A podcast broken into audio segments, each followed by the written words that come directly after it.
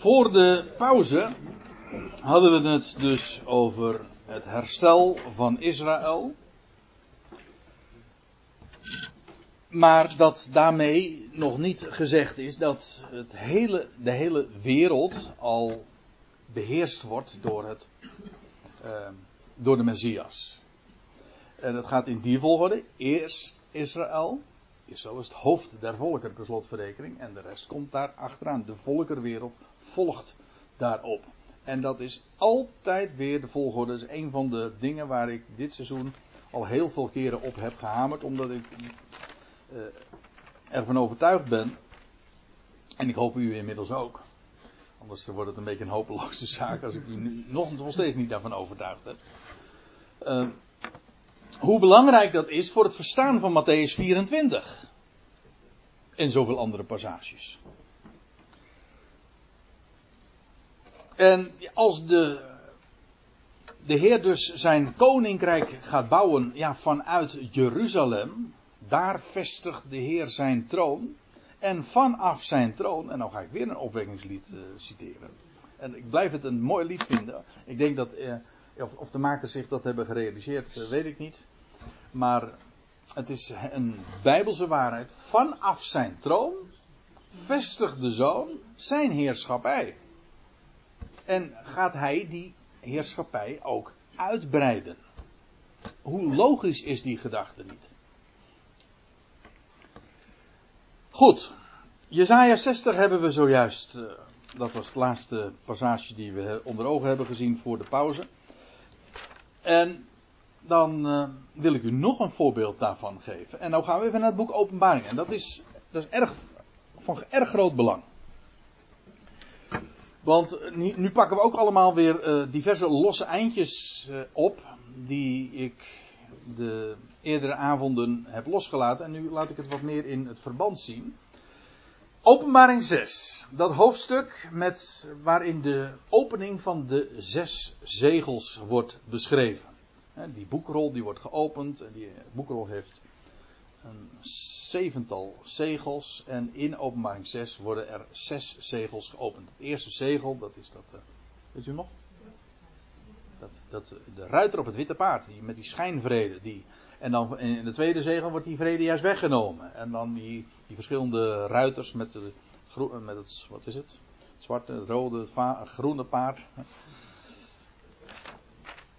En, ja, en die zegels, de opening van die zegels is allemaal gekoppeld, het is gerelateerd aan het volk Israël. Het land van Israël, zo u wilt. En wat we daarbij vooral hebben gezien, dat, daar gaat het nu dan even om. De opening van het zesde zegel, wat is dat? Wat het meest karakteristieke daarvan is de verduistering van zon en maan. Aha, maar dat is een, een eikpunt. Dat is een, dan weet je meteen, ah, dat is wat we ook in Joel en in Matthäus 24 en in Jezaja overal weer terugkomen, terugkeert. De verduistering van zon en maan. Wat is namelijk, uh, wat vindt er bij die gelegenheid plaats? Want we blijven nu even bij Matthäus 24. De verduistering van zon en maan, dat vindt plaats na de verdrukking dierdagen. En dan zal het teken van de zoon des mensen verschijnen. En dan zal hij komen met de wolken des hemels. En dan zal hij zijn volk verzamelen. Dat is de, het zesde zegel. Hou hem even vast. Goed. Nou, we bladeren even door. Openbaring 6 en dan kom je in openbaring 7. En eigenlijk openbaring 7 is een soort intermezzo. Dat is nogal, dat is nogal logisch, want in openbaring 8 vers 1 wordt nog het zevende zegel geopend.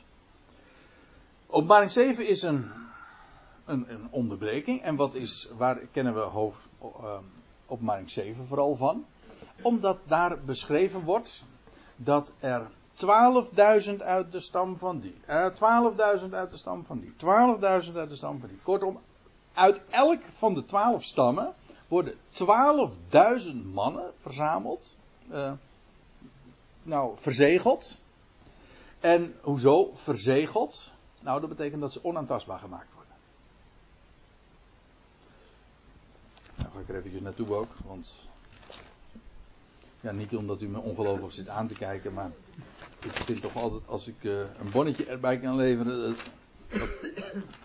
Dan voel ik me altijd een stuk verzekerder namelijk. Gek hè? Vers 4, kijk, dankjewel.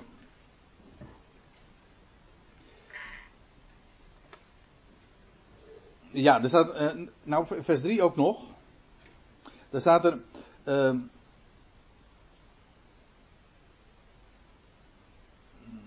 ja, brengt geen schade toe aan de aarde, nog aan de zee, nog aan de bomen, voordat wij, waarom, hoezo niet? Wel, voordat wij de knechten van onze God aan hun voorhoofd verzegeld hebben. En ik hoorde het getal van hen die verzegeld waren. 144.000 waren verzegeld uit alle stammen van de kinderen Israëls. Uit de stam Juda, 12.000. Dat is heel erg leuk. Ik heb, recentelijk heb ik dat nog meegemaakt.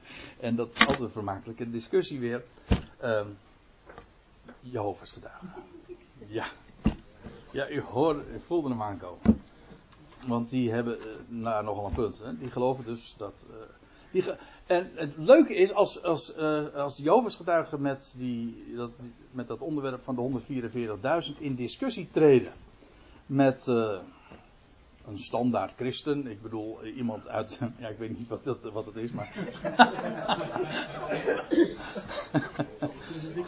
ja, een standaard christen. Bent u een standaard christen? Even toetsen. Ja. Ik heb daar moeite mee met die vraag. Nou ja, eh, ik bedoel gewoon uh, een mainstream. Hè, met een kerkelijke achtergrond, een kerkelijk christen. Die, dan maakt zo'n zo'n vertegenwoordiger van het wachttorengenootschap, dat, zo noem ik dat liever eigenlijk dan een Jehovah's getuige, want volgens mij hebben ze die naam ten onrechte geclaimd, maar dat uh, even terzijde. Zo'n zo vertegenwoordiger van het wachttorengenootschap die dan zo aardig aanbelt, daar niet van die zegt dan, ja, hoor eens eventjes, de Bijbel zegt 144.000. Staat er heel, het getal wordt genoemd. En in hetzelfde hoofdstuk wordt die groep ook onderscheiden van een schare die niemand tellen kan. Ja, en als je dan opgegroeid bent met de, de, de, met de kerkelijke theologie van, ja, er is één kerk vanaf Adam tot aan de jongste dag. En dat is allemaal één groot, uh, één grote groep. één toet mem zeggen ze dan. Hè? Dat, dat, al die onderscheidingen die kent men niet. Dat er verschillende huishoudingen, bedelingen, tijdsperioden, categorieën. Dat, hebben ze totaal geen kaas van gegeten. Maar Jehovah's die, kijk, die wint, om het even in bokstermen te zeggen, op punten natuurlijk van zo iemand. Achter elkaar. Ja, natuurlijk, want die zegt van, hoor eens eventjes, openbaring 7 spreekt over 144.000. Heel duidelijk. En dat wordt onderscheiden van die groep van die, die schade die niemand tellen kan. Uit alle volkeren, talen, naties. Dus ga me niet vertellen, zegt de Jehovah's getuige, dat dat dezelfde zijn. Nou, als jij dan, als jij dan daar gewoon aan die deur staat. En jij bent uh, gewoon uh, zo groot geworden met de lessen van de categorisatie. Dan heb je daarop geen antwoord. Dat, ja, nou, hooguit kun je de deur dicht doen. Ja, dat is ook een antwoord. Maar ja, dat, dat doet dan meteen weer zo de deur dicht. Hè? En daarmee heb je die Jehovah-getuigen natuurlijk niet uh, uh, overtuigd. Integendeel, die denkt dan van, zie je wel, ze, ze, kunnen niet, ze kunnen niet tegen hun verlies. Maar als je de schrift kent, dan wordt die discussie wel heel erg leuk. Ik, ik heb het al meer, recentelijk heb ik nog een keer meegemaakt, maar ik heb het verschillende keren al meegemaakt. Ik, ik vind trouwens, trouw, even, maar dat even terzijde, niet het meest interessante om met zo iemand uh, in discussie te gaan. Want dan ga, spreek ik veel liever over het evangelie. Dat ze ook al niet kennen, maar goed. Juist daarom. Kijk, als je dan over die 144.000, zij zeggen dat is heel letterlijk. Maar je hoeft maar één vraag te stellen. Van ben je? Nou, meestal, ik moet het trouwens meestal zeggen, ik, ik ben één keer iemand tegengekomen. Die zei, die uh, ik behoor tot die 144.000, want dat is namelijk weer een selectie van Jehovah's getuigen. niet ieder, uh, de meesten zullen zeggen, nee, ik hoor, ik hoor niet bij die groep. Hoe ze dat dan weten, dat, dat, is, dan, dat is nog weer een andere vraag. Maar als je dan vraagt van, dus u bedoelt 12.000 uit de stam van Juda en 12.000 uit de stam van Naphtali, 12.000 uit de stam van Benjamin, nou ja, enzovoort. Nee, dat moet je figuurlijk nemen. ja, maar dat schiet niet op. Dus wat ze winnen bij de een, door te zeggen, door te hameren op het feit dat het uit de stam, uh, nee, dat dat echt een letterlijk getal is en onderscheiden wordt van een groep die, die juist geen getal kent. Ja, dat verliezen ze juist weer op het moment dat ze zeggen: ja, nee, maar die, die stammen, dat moet je niet, niet letterlijk nemen. Terwijl ze, het wordt er namelijk niet alleen bij gezegd in openbaring 7 dat er 12.000 uit, uh, uit alle stammen van kinderen Israël zijn. Ze worden, het wordt nog eens een keertje gepreciseerd, namelijk in vers 6, 5, 6, 7, wat is het? Nee, tot en met vers 8 en toe. Tot eh, heel eentonig. Uit de stam van Naphtali, 12.000. Uit de stam van Manasse, 12.000. Uit de stam van Simeon, 12.000. 12 keer zo. Dus het wordt gewoon iedere keer met name genoemd. Dus uh, ik, ik trek daaruit de conclusie dat die 144.000 uit de stammen van Israël komen. Gek hè? ja, je moet er maar opkomen. Hoe verzin je het? Ja, zoals, hoe verzin je het? Hoe, hoe, hoe, groot denk jij dat die groep van 144.000 is? Nou, zou het misschien 144.000? Dat is net zoiets als van, uh, hoe lang denk jij dat het duizendjarig rijk duurt? Dat is in de, dat is trouwens, ja, dat, we gaan, we gaan het nou een beetje in de spot, dus in de sfeer natuurlijk. Maar dat is een discussie natuurlijk. In de hele kerkelijke theologie. Men zegt, vroeger in, eerst zei men van ja, dan geloofde men dat het echt duizend jaar zou zijn. Maar toen, uh, omdat men geloofde dat die, die duizend jaren in de kerkhistorie geplaatst moest worden, dacht men ergens toen, uh, net na de millennium, eerste millenniumwisseling, dat ja, het, de, duizend jaren uh, waren over. waren voorbij. Dan even afhankelijk van wanneer je man moet beginnen te rekenen. Maar rond die tijd moesten de duizend jaren dan voorbij zijn. En toen, en, en toen ging het gewoon maar door. En toen zeiden ze, ja, maar die duizend jaar is niet letterlijk duizend jaar. Hoe lang duurde de 80-jarige oorlog? Hm? Zoiets. Die sfeer. Even ter zake. Openbaring 7. De verzegeling van de 144.000. Dat wordt beschreven na dat zesde zegel. Heel logisch, want als Israël dan verzameld wordt in de woestijn, ze trekken op naar het beloofde land, bij welke gelegenheid die verzegeling plaatsvindt, dat weet ik niet. Staat er mijn zinziens ook niet bij. Of mij moet iets ontgaan, maar dat, dat maakt even niet uit. Dat zal in die tijd na het zesde zegel plaatsvinden. Zo wordt het beschreven. Voor de opening van het zevende zegel en na het zesde zegel zullen die 144.000 verzameld worden uit Israël. En ze worden verzegeld met een speciaal doel, namelijk dat ze bewaard worden voor de verschrikkingen die nog gaan komen. En nou krijg je de vraag, maar de grote verdrukking was toch voorbij? Ja, voor Israël wel ja. Maar de ergste periode moet feitelijk nog gebeuren. Ja, ik zei dus die 144.000 die worden beveiligd voor de verschrikkingen die zullen komen over de wereld. En dat, wat, wat is dat dan? Wel, dat zijn de zeven bazuinen. Die vervolgens genoemd worden. En dan lees je ook nog in openbaring 7 over die grote schare. Die uit alle volkeren zal komen. Een verzameld. En dat is dat verzamelde en herstelde Israël.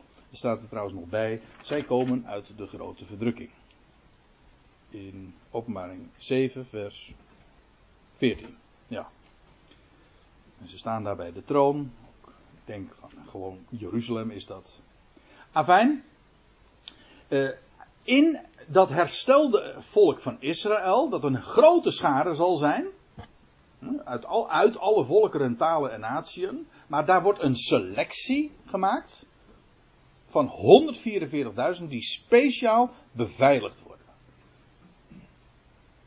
gaan zij dan buitenlands of zo? Uh, want in Israël is het toch licht en, en daar, daar is het koninkrijk toch aangebroken. Ja, maar we, we weten dat dat volk ook het evangelie van het koninkrijk gaat prediken. En als dat gebeurd zal zijn, wat, wat hebben we gelezen toen in Matthäus 24? Als het evangelie van het koninkrijk over de hele wereld gebracht zal zijn, dan zal het einde gekomen zijn. namelijk van de.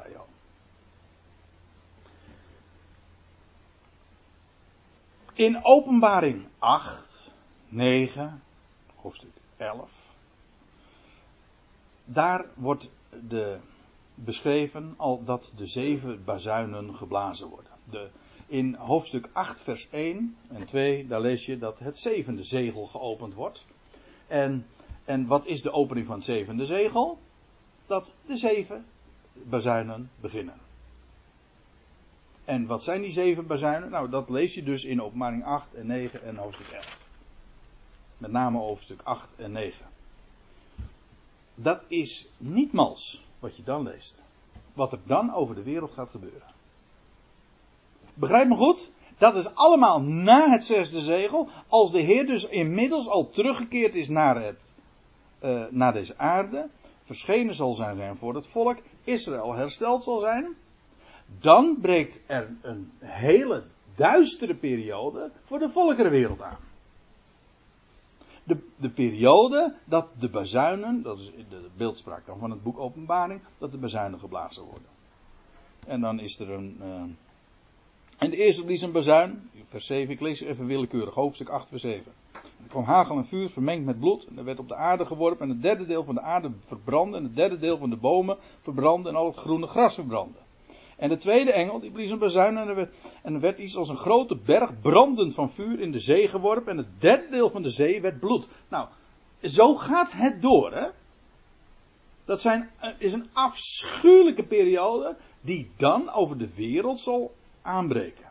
Dat is allemaal na het zesde zegel. Het, feitelijk is die, eh, de, de, de opening van dat zevende zegel. Dat is feitelijk de introductie. Dat, dat wil zeggen dat er dan zeven bazuinen geblazen gaan worden.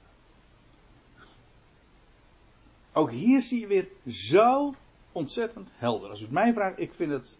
Toen, uh, dus jaren geleden, toen voor mij dit licht opging. En dit onderscheid gezien werd.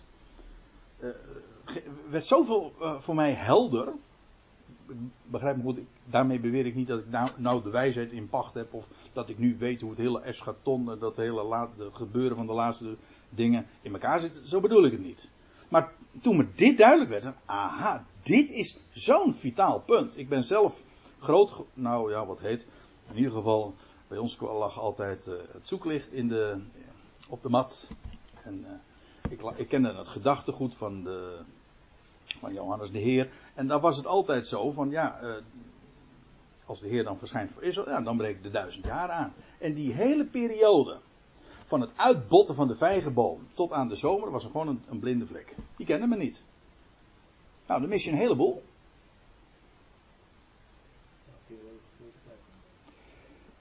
Dat is een goeie. Dat is een goeie. Nou, in ieder geval, ik geloof, maar daar komen we misschien zo nog op, ik weet het niet. Um, het zal in één generatie zijn. Dat weet, ik, dat weet ik zeker. Hoe lang en wanneer dan die dag en die uren is, dat weet ik niet. Ja, ja. Ja, ja. Ik, uh, ja, ik ken de gedachte heel goed. Ja. Nou, ik moet zeggen, ik ben. Um, nou, laten we, laat ik nou niet voor mijn beurt praten. Uh, nee. Uh, we, we, we parkeren het nog eventjes. Maar even dit. Als dus die zeven bazuinen geblazen worden, dan, dan krijg je de oordelen over de wereld. Die zegels houden verband met Israël. Het zesde zegel is dat de Heer zal verschijnen voor zijn volk. En als het de ze dat is boeiend. Als de zevende bazuin geblazen zal worden, dat is trouwens openbaring 11, dan is het koninkrijk van Christus wereldwijd gevestigd. Kun je dat aantonen? Dan zeg ik, ik dacht het wel. We gaan er even naartoe. Openbaring 11, vers 15. Daar wordt dat, die zevende bazuin beschreven. Die zevende bazuin, ja, dat is de, de, de culminatie. Hè? Dat is de voltooiing. zeven is sowieso het getal van de volheid. En dan is, ja, dan is het hele wereldgebeuren het koninkrijk van deze wereld is dan over. Afgelopen zondag had ik het nog eventjes, maar dat was bij een heel andere gelegenheid, had ik het over, uh, over Jericho. De slag om Jericho, dat men uh, ook dat Israël Jericho moest omzingelen. En elke dag, zeven dagen lang, hè, moest men om de stad heen wandelen. Gewoon wandelen, niks doen. En dan op de zevende dag zeven keer. Dus in totaal dertien keer liep men om die stad heen. En toen bij de, der, dus bij de dertiende keer, op die zevende dag. En toen men op de zevende dag zeven keer, dus het getal zeven springt er zo, zo duidelijk uit. Dan bij die zevende dag. En bij de zevende keer dat men om die stad heen gewandeld was. Blies men de bazuin. En toen, nou ga ik het netjes zeggen, stortte de hele stad zo in elkaar. En bleef er niets van over. Met één uitzondering van het huis van Rahab, de hoer. Met het scharlakenkoord. En voor de rest lag de hele stad onder de ban. Een prachtig mooi beeld trouwens van Jericho ook als beeld van deze wereld. Trouwens ook het diepste punt van deze wereld. Jericho is de, de, is de diepst gelegen stad deze hele aarde. Op zich ook wel veelzeggend, hè?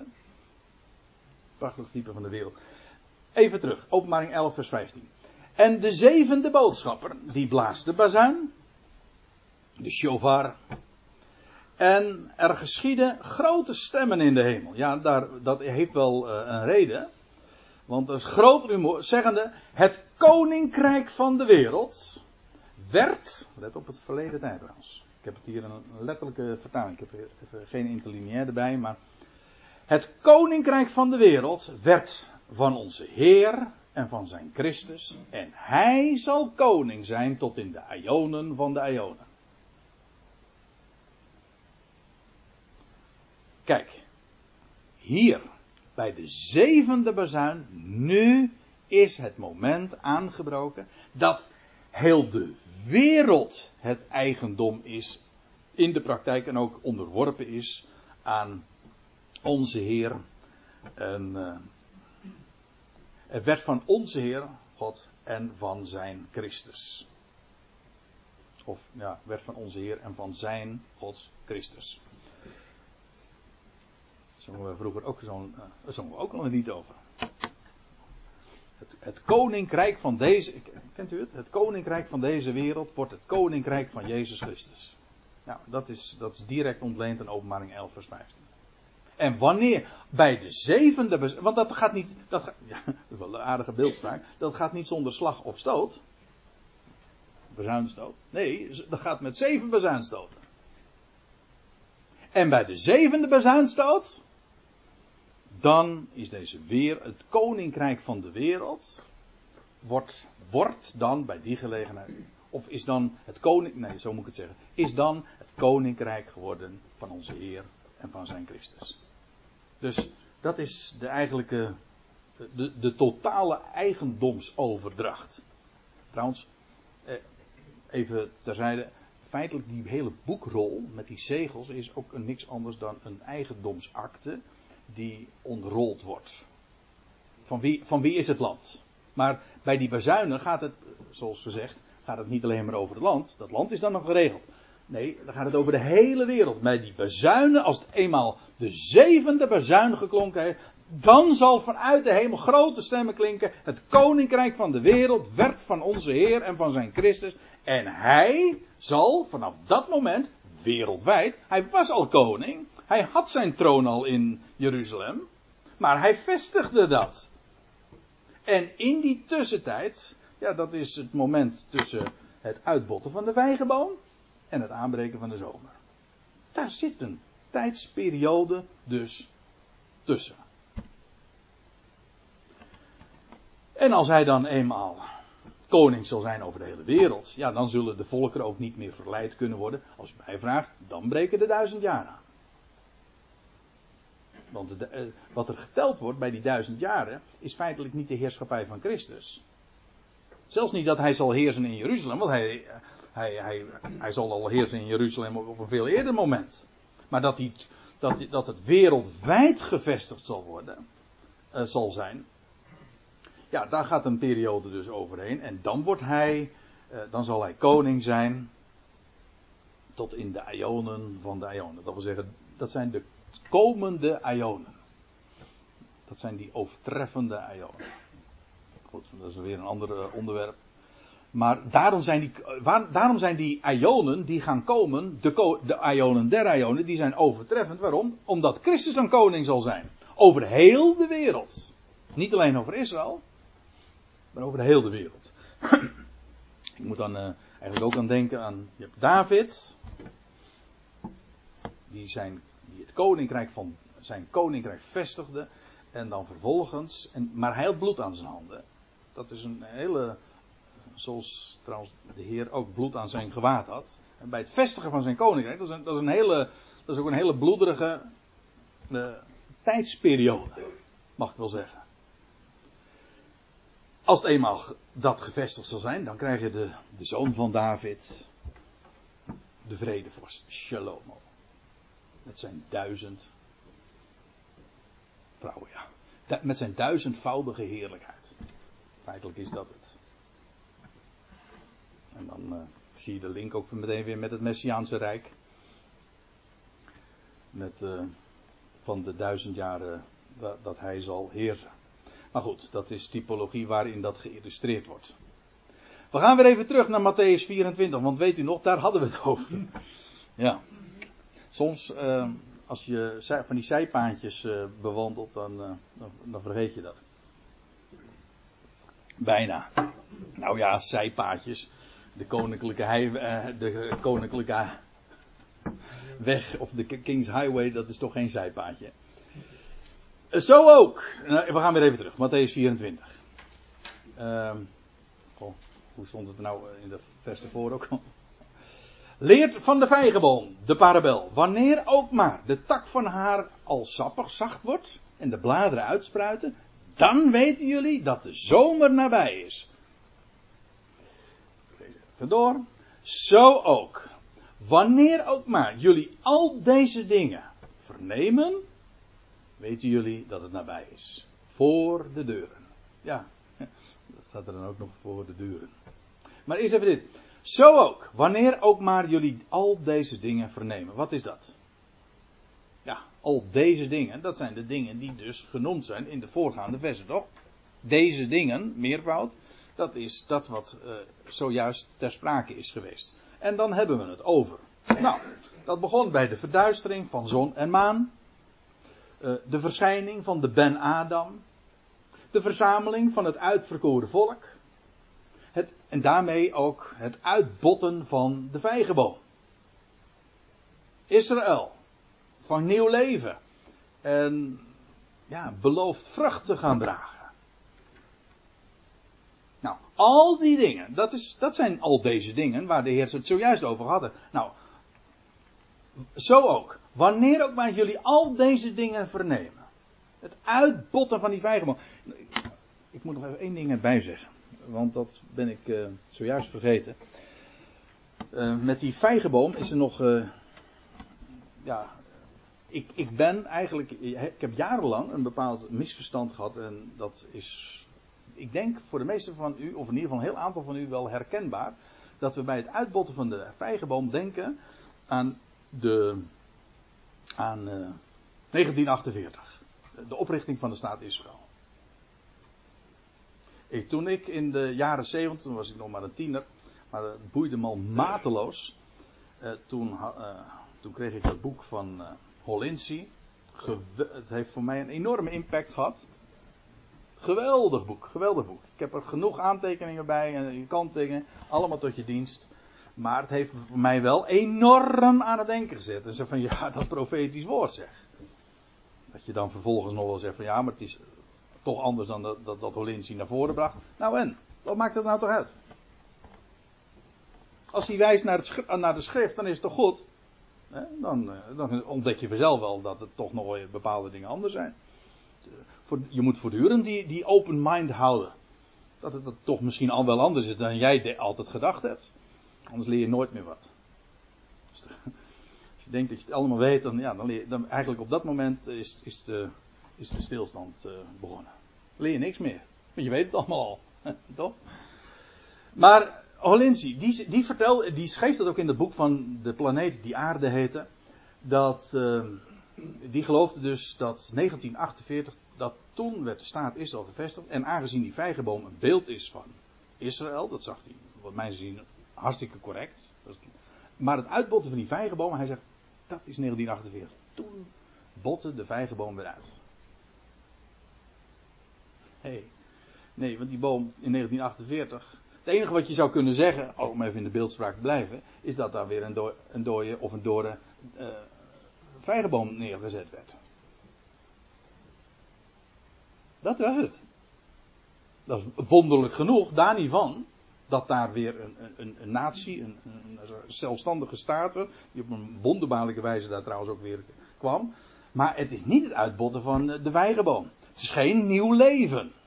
Trouwens, het uitbotten van de vijgenboom, als je het in de context bekijkt, gewoon van Matthäus 24, het wordt genoemd, hè, net nadat hè, de Heer zijn, eh, is verschenen, hij zal zijn uitverkoren volk verzamelen en dan dit van de vijgenboom deze les.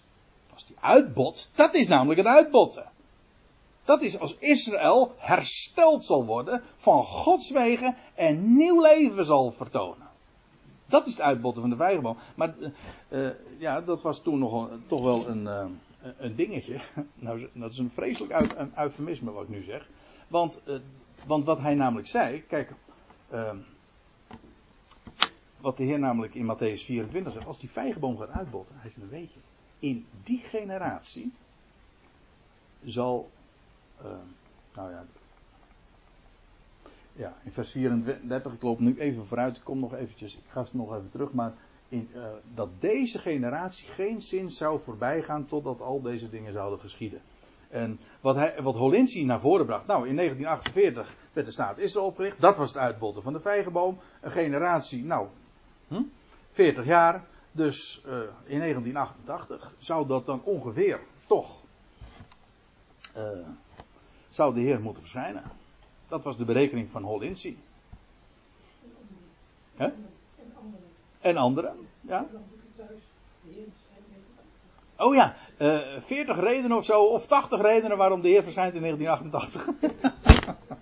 ja, sorry, dat is, het even, dan krijgt het iets lachwekkend als je dat in 2017 dan vervolgens memoreert.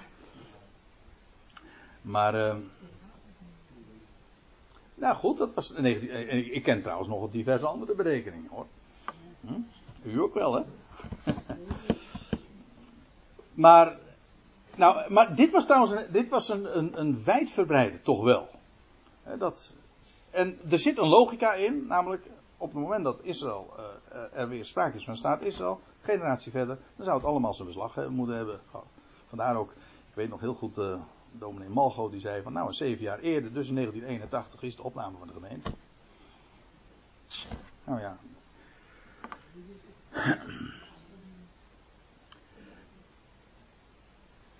maar dan zie je hoe belangrijk het is. Ik, het, e- de enige reden waarom ik dit nu vermeld is niet uit. Uh, is sowieso geen sensatie, want dit is nou al zoveel jaar na dato. Dat, je, dat het heel gemakkelijk scoren is natuurlijk om zulke mensen dan belachelijk te maken. Dat vind, ik heel, dat vind ik ook niet op zijn plaats. Maar je ziet wel hoe enorm belangrijk het is om de schrift recht te doen en niet naar jezelf.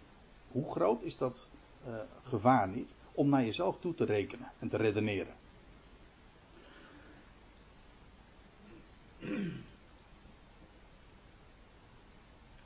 Zo ook. We gaan even terug.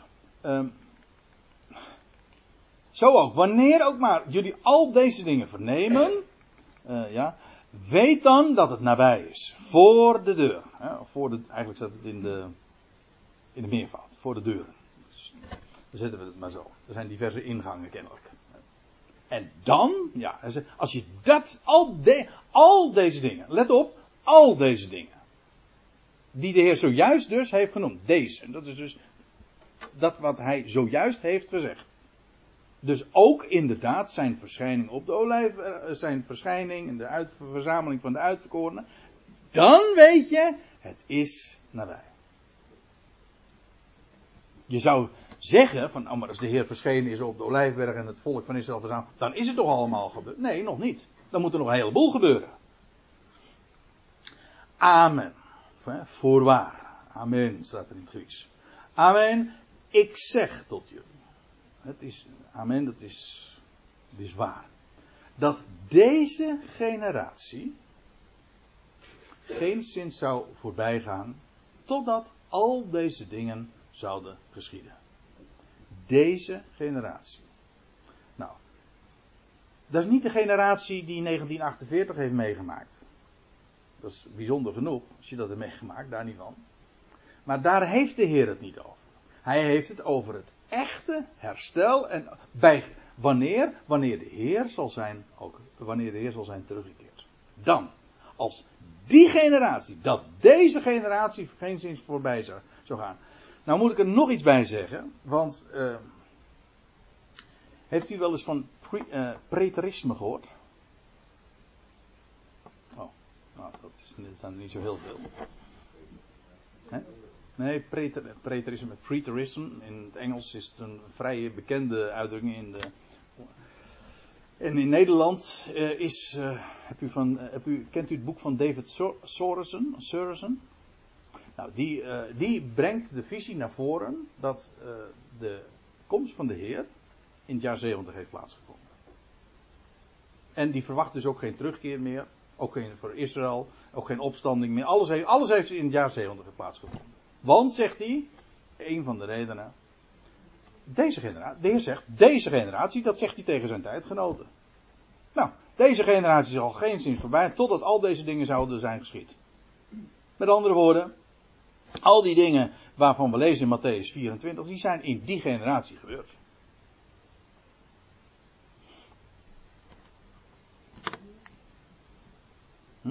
Nou, we, ja, hè? Nee, ik geloof er ook niks van. Nou ja, kijk, uh, de ellende is, hij neemt dan uh, deze generatie zo letterlijk, maar ook wel weer heel willekeurig. Want als je zegt deze, dan moet je, dan moet je vervolgens een andere vraag stellen. In de eerste plaats, welke generatie? Nou, deze generatie die, al de, die getuige is van al deze dingen, toch? Als hij zegt van, als jullie al deze dingen vernemen, nou, dan is deze generatie, die al deze dingen verneemt, zou geen zins voorbij gaan. Totdat al deze dingen zouden geschieden. En ik zei, eh, deze generatie neemt hij dan zogenaamd heel letterlijk, maar op een, op een hele eenzijdige manier. Maar vervolgens moet hij al het andere vergeestelijken.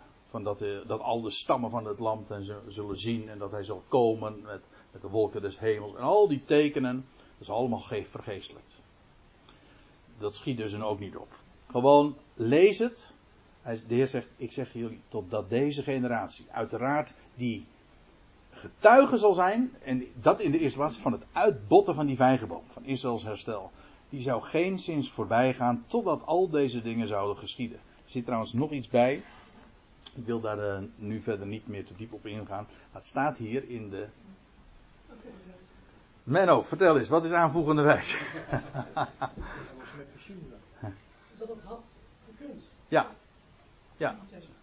Ja, dat het, en dan, want de, ja, het staat hier dus niet in de aantonende wijs, maar uh, aanvoegende wijs. En dat drukt een handeling dus uit uh, die, uit, uh, die de spreker als mogelijk beschouwt. Hè. Geen zins zou voorbij gaan totdat al deze dingen zouden geschieden. Daar zit dus de gedachte in van dat, dat, dat is een mogelijkheid, waarbij ook weer die dubbelzinnigheid van de, deze generatie uh, in besloten ligt.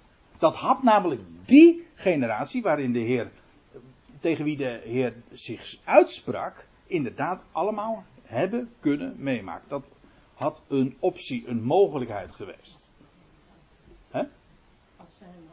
Precies. Op, welke voorwaarden, dat is nu even niet aan de orde, maar dat had gekund.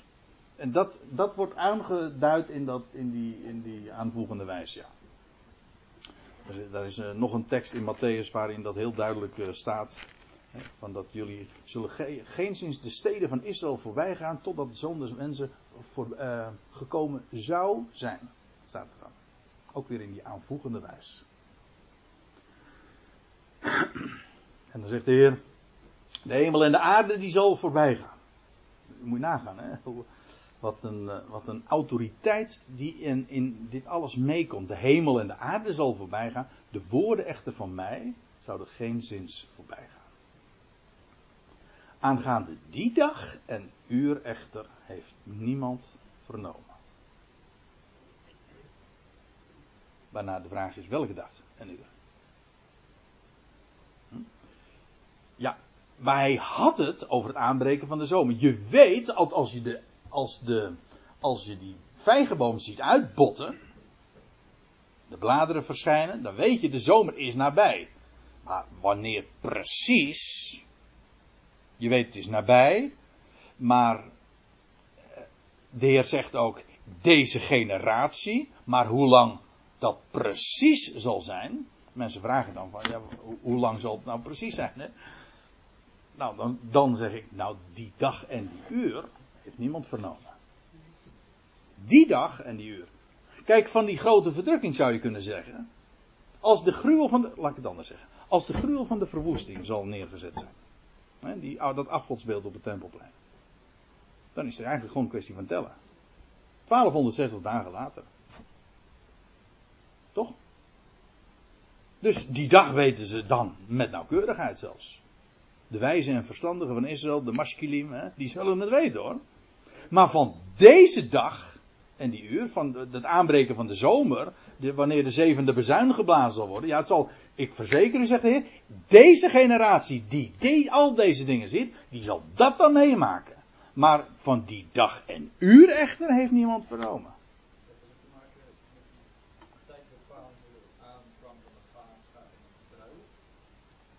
De paascha en de bruiloft? Nee, ja, nee, na een nieuwe maan. Uh, ik, dat is vooral met, uh, vooral met de bruiloft te maken. Als de bruiloft aangekondigd wordt, dan de vader van de bruidegom bepaalt de datum wanneer de bruiloft start. Dat is een nieuwe maan. Dus kijk dan s'avonds nieuwe maan, is bewolkt of wat dan ook. Dan schrijf je gewoon nog een dag op. Dus dag en uur is.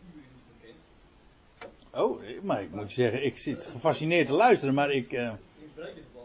Oké. Ja, ik zie de connectie ook wel tussen een bruiloft en een nieuwe maan en een volle maan. Ja, ja. Ja, uh, ja. Nou, ik, ik, voordat ik nou iets. Uh, hoe, hoe, hoe zei je Lucy ook weer? Ik denk altijd heel goed na voordat ik iets dom zeg. Ja, wou ik zeggen, uh, dit, deze connectie ken ik helemaal niet, joh. Maar. Uh,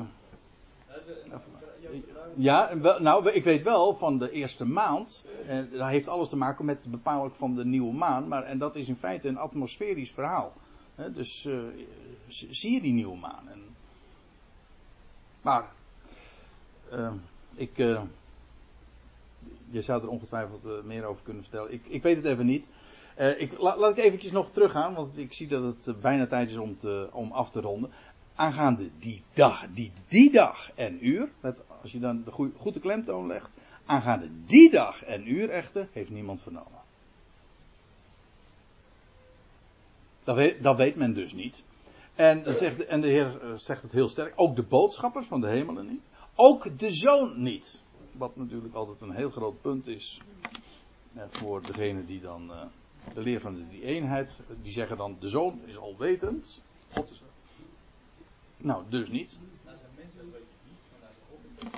Ja, dat soort onzin dan. Sorry dat ik dat zeg, maar dat... Ja, sorry, ik zeg niet, sorry Fred, voor de goede orde, ik zeg niet dat jij onzin, jij citeert alleen maar onzin. Ja, ja, ja dat is het antwoord. Dus, maar dat betekent dus, de Vader alleen. Bijbels gezien is het totaal geen punt. De Zoon van God ook wist dat bij deze gelegenheid niet. De boodschappers niet, maar de Vader alleen. Ja. Dus dan gaat het hier over het aanbreken van de zomer. Hè? Dat het koninkrijk wereldwijd gevestigd zal zijn. Wanneer dat precies zal zijn. Ongeveer is duidelijk. In één generatie. Dat heeft de Heer verzekerd. Maar wanneer hoe dat qua dag en uur is, dat uh, is, heeft niemand vernomen. Nou, dat lijkt me een. Uh, u ziet het. Ik krijg nu een lege dia, dus uh, ja, ik zou nog we zouden nog wel even verder kunnen gaan. Maar ik stel voor dat we het hier eventjes bij laten. Tenzij er nog een brandende vraag is. Niet zulke moeilijke vraag als Fred zojuist gesteld heeft. Alleen maar simpele vraag. De verbondenheid van Satan. Want eigenlijk, we zeggen duizend jaar Frederik, maar eigenlijk Satan is duizend Oh, dat vergat ik juist. Ik vergat zojuist mijn zin af te maken.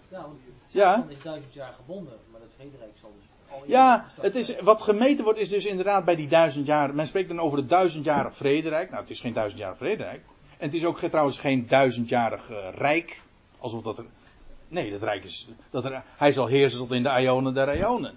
Wat, wat, geteld wordt, is dat hij, de Satan, duizend jaar gebonden wordt, zodat hij niet in staat zal zijn om de volkeren te verleiden.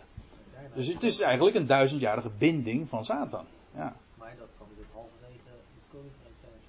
Aan het einde daarvan heb je gelijk, wie doet dan helemaal mee. En de grote bedrog, weet ik dan. Ja. Nou, ja, na de duizend jaren, precies. Ja, maar goed, wat er gemeten wordt daarin is de, duizend, is de binding van Satan. Je zou eigenlijk correct uh, moeten zijn. Duizend jaren, de duizendjarige binding van Satan. Ja.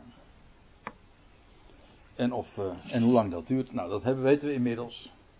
En of de Satan nu ook uh, gebonden is en in, niet in staat is om de volkeren te verleiden. Ik heb zo mijn twijfels daarover. En ik vraag me af, als u zoiets met een serieus gezicht meent, te moeten zeggen, dan vraag ik me af: heb je ooit wel, heb je wel eens de krant gelezen? Of leef je onder een steen? Uh. Goed. Dat was uh, deze studie. En uh, de volgende keer pakken we de draad dan op bij vers 37, ongeveer. Dat zal zijn 11 mei, als ik me niet vergis. Zullen we met elkaar nog deze avond afsluiten?